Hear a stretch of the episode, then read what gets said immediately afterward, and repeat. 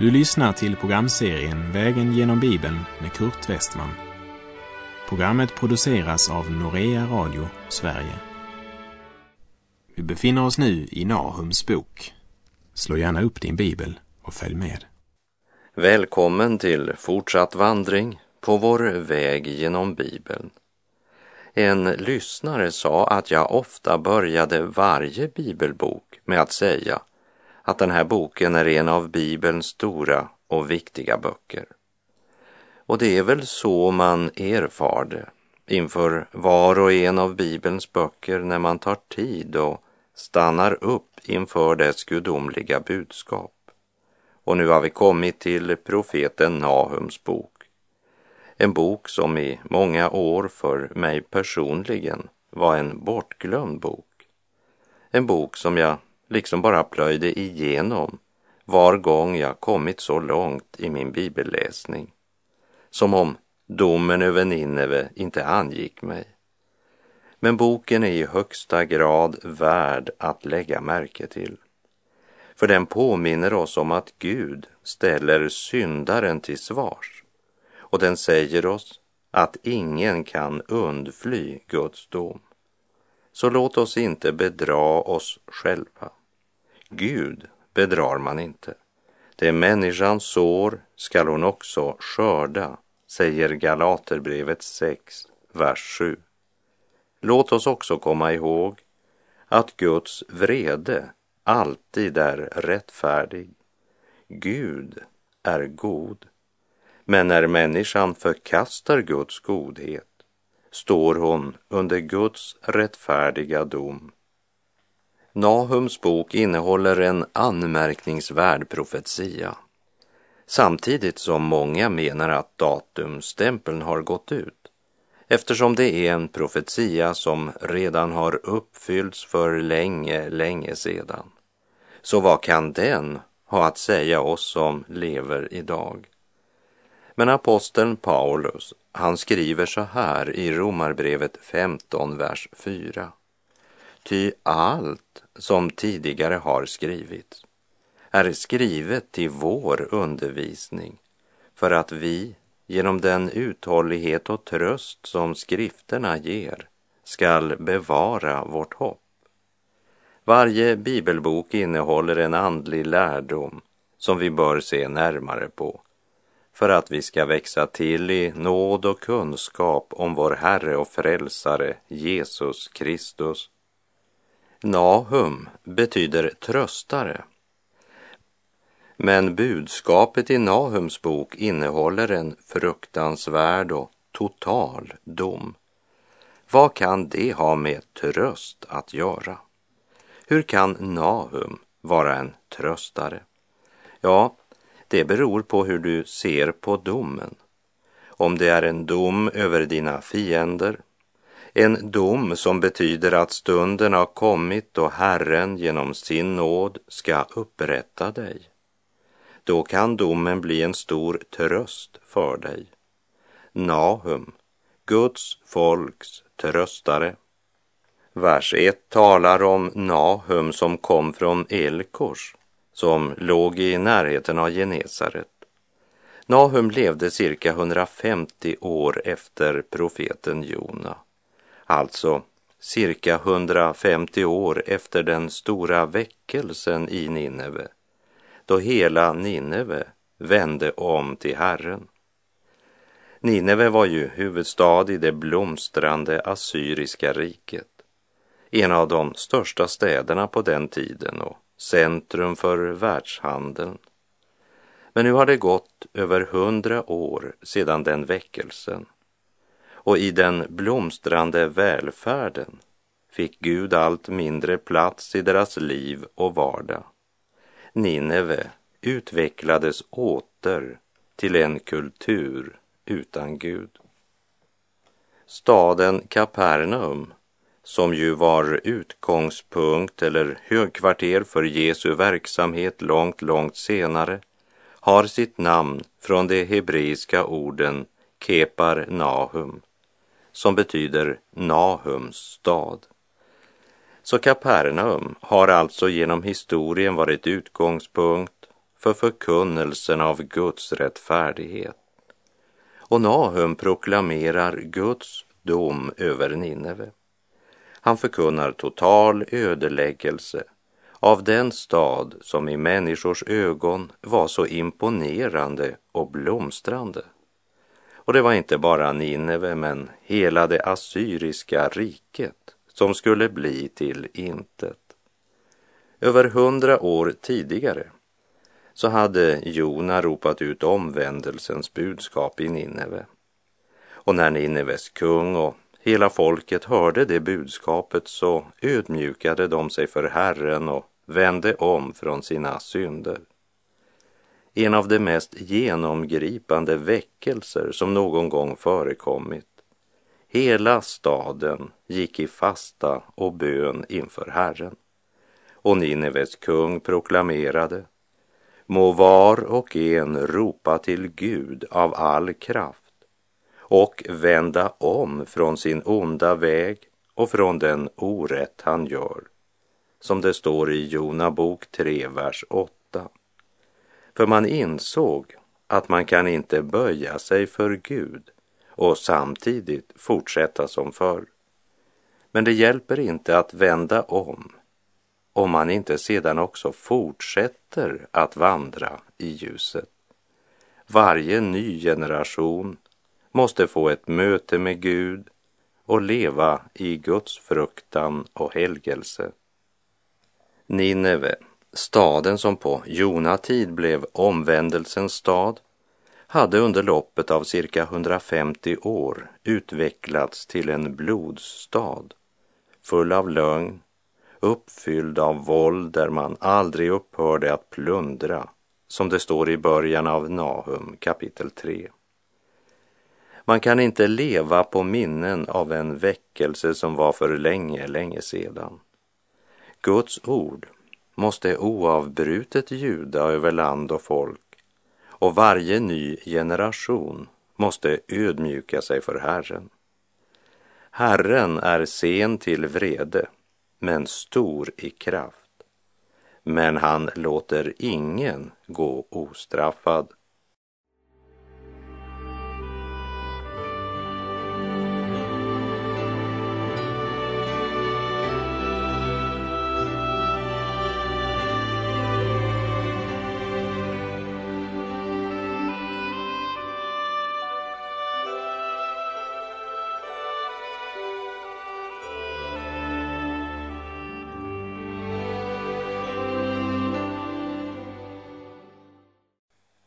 Nahum blev aldrig sänd till Nineve. Varför inte? Nineves ondska och synd hade ju blivit densamma som innan Jona predikade omvändelsens budskap. Är det då inte åter dags för Herren att sända dem omvändelsens budskap? Vi ska komma ihåg att när Gud sände Jona till Nineve kom han till ett folk som saknade kunskap om Israels Gud.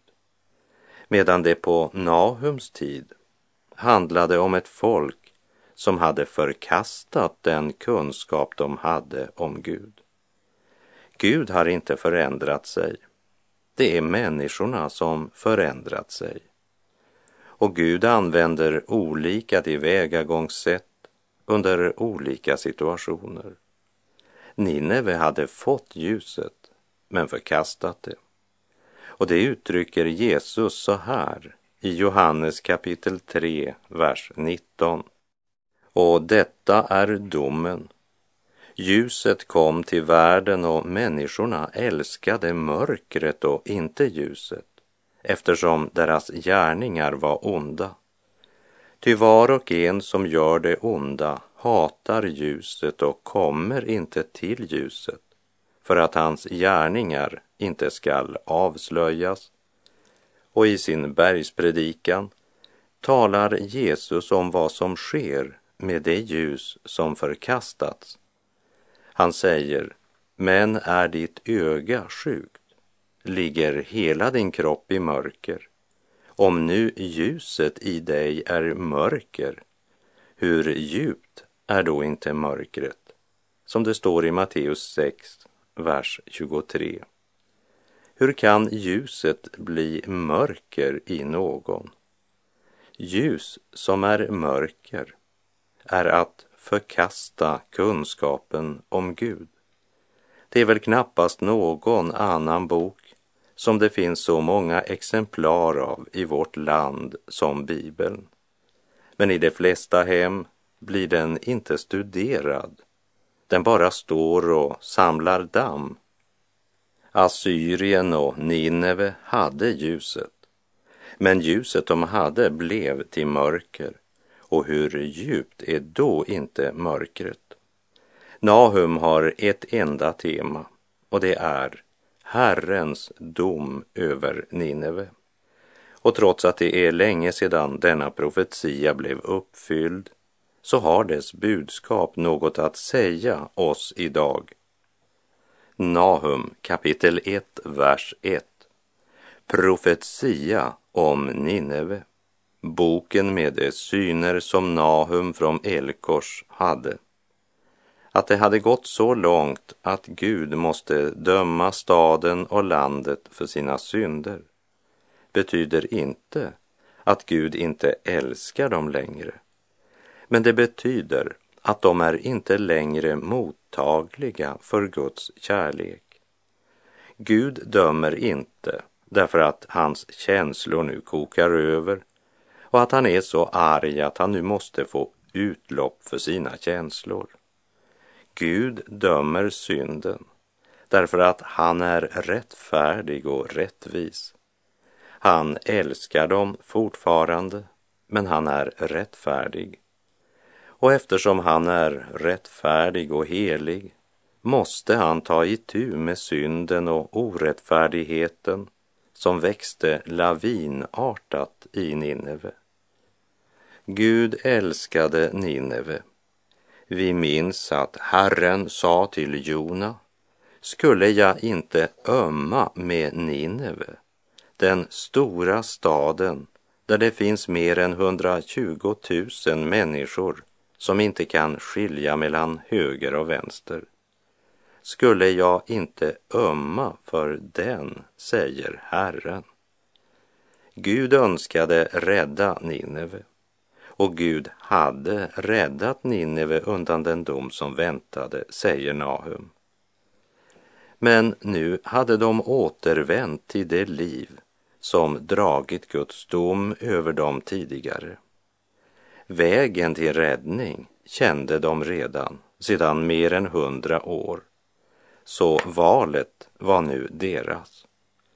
Gud hade väntat länge. Med stort tålamod hade han väntat för att ge den nya generationen tid och möjlighet att vända om från sin onda väg. Men det hade de inget intresse av. De hade åter valt synden, själviskheten, ondskan, och omoralen, bedrägeriet, våldet och jakten på egen vinning.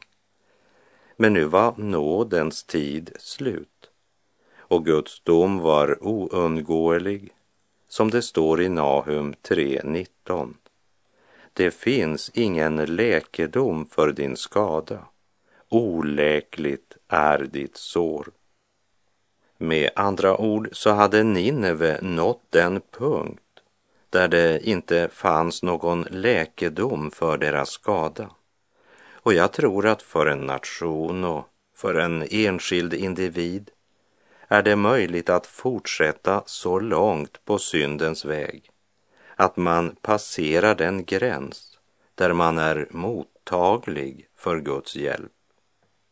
Här går mina tankar till Jesu ord då han predikade i synagogan i Nasaret som vi läste om när vi vandrade genom Lukas evangeliets fjärde kapitel. Jag citerar Lukas kapitel 4, verserna 25 till och med 27. Jag säger er sanningen.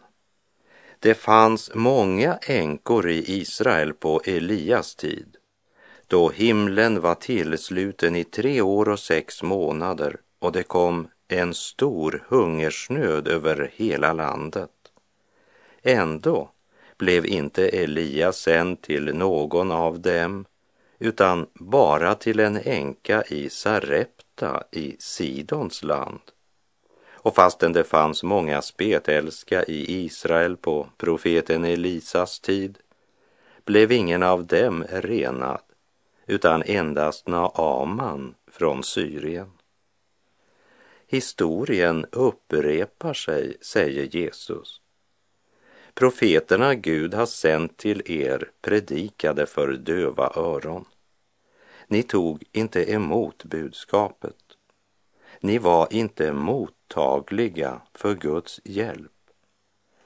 På Elias tid då hungersnöden var så stor och varade i tre och ett halvt år så var likväl otron ännu större så att ingen var mottaglig för hjälpen från Gud genom profeten Elia. Inte ens någon av alla de många änkorna i Israel. Men däremot en i det hedniska Sidon, sa Jesus. När folket hörde det så blev de rasande och drev Jesus ut ur staden. Och detsamma kan tyvärr ske i kyrkor och organisationer idag.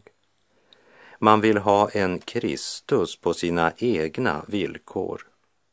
Gärna evangelium, men inga angrepp på skötesynder. Inget budskap som kräver total omvändelse. Och framför allt inget som kan upplevas som en dom över våra institutioner och halvreligiösa aktiviteter. Människan kan fortsätta så långt på syndens väg att hon inte längre är mottaglig för Guds hjälp. Jag kan inte säga att jag vet var den gränsen går, men det finns en sådan gräns. Och när du passerar den gränsen så är det inte Guds nåd som inte kan nå dig, men det är du som inte längre är mottaglig för Guds hjälp. Du kan inte nå Gud eftersom otron har gjort ditt hjärta så hårt att du inte längre är redo att förändra din mening och dina hållningar. Då är ditt sår oläkligt.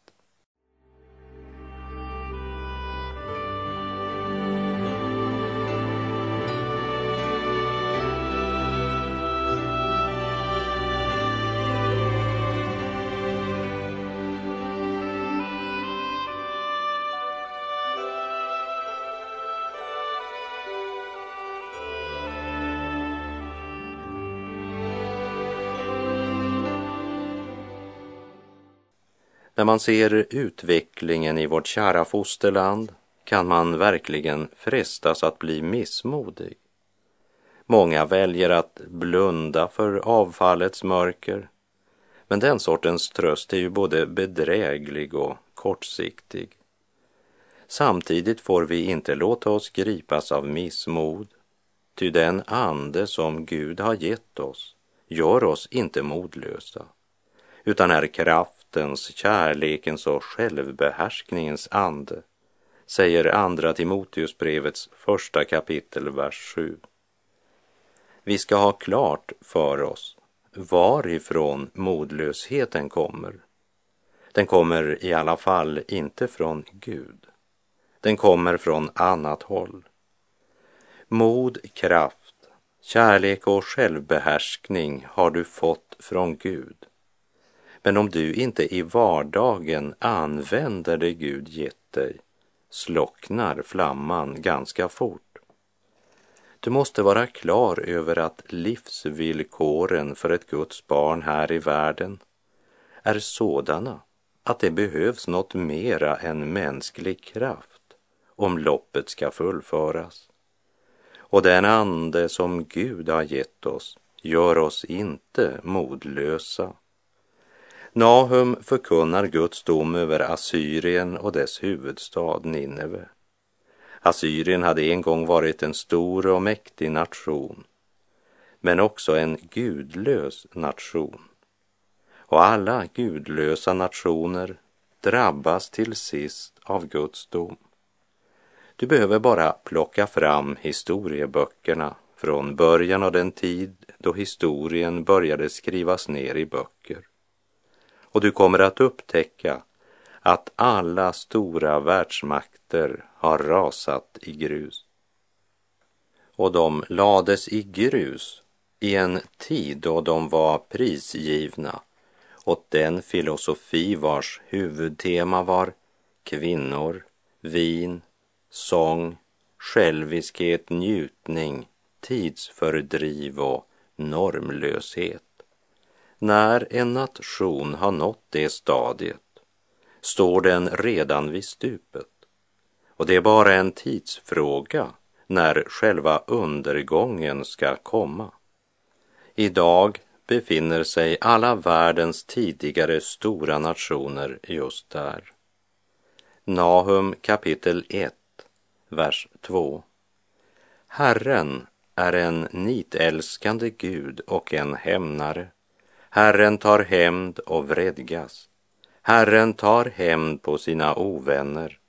Han har vrede i förvar åt sina fiender. Du skall inga andra gudar ha vid sidan av mig. Första budet. Guds folk skall tillbe Gud och Gud alena. Men när ett Guds barn vänder sig till vad det vara må som står i strid mot Herrens heliga vilja och hänger sig åt det, då står vi under Guds vrede. Här talar jag inte om frestelse och fall, men om att välja synden och orätten som livselement. Och allt som betyder så mycket för dig att du är beredd att bryta Guds bud för att uppnå det, det är en avgud. Mer än en har klagat över Guds dom över Nineve och sagt, det är orättvist, orättfärdigt. Hur kan Gud handla så? Vare sig du tycker om att höra det eller inte. Gud handlar alltid rätt. Också när Gud dömer synden handlar han i rättfärdighet och sanning. Ja, han är full av nåd och sanning. Vi läser vers 3. Herren är sen till vrede, men stor i kraft. Han låter ingen gå ostraffad. Nahum gör klart för oss att Herren är sen till vrede. Gud hade sänt Jona till Nineve och förkunnat att staden och folket skulle ödeläggas på grund av deras synd och ondska. Gud gjorde klart för dem vad som väntade dem.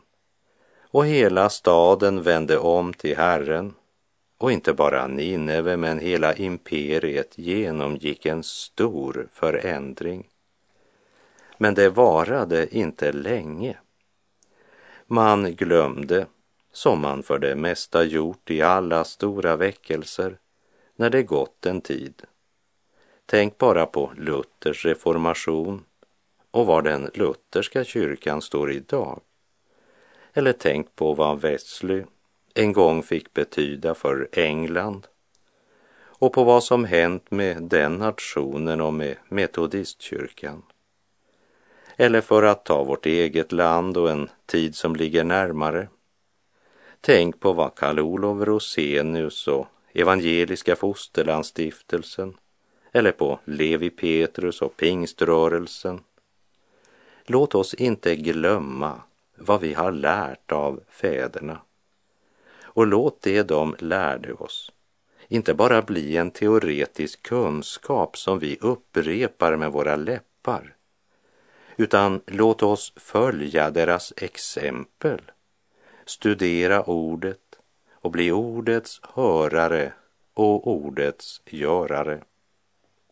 N.P. Wetterlund, som avled i sitt hem i Stockholm 1928, har sagt följande tankvärda ord. Det finns blott en lycka, att ha Gud med sig, och blott en olycka, att ha Gud mot sig. Är Gud med, då är allt med. Är Gud emot, då är allt emot. N.P. Wetterlund har också sagt, lägg din vilja för Herrens fot. Var nöjd med det som kommer. Säg, jag är nöjd. Ske din vilja.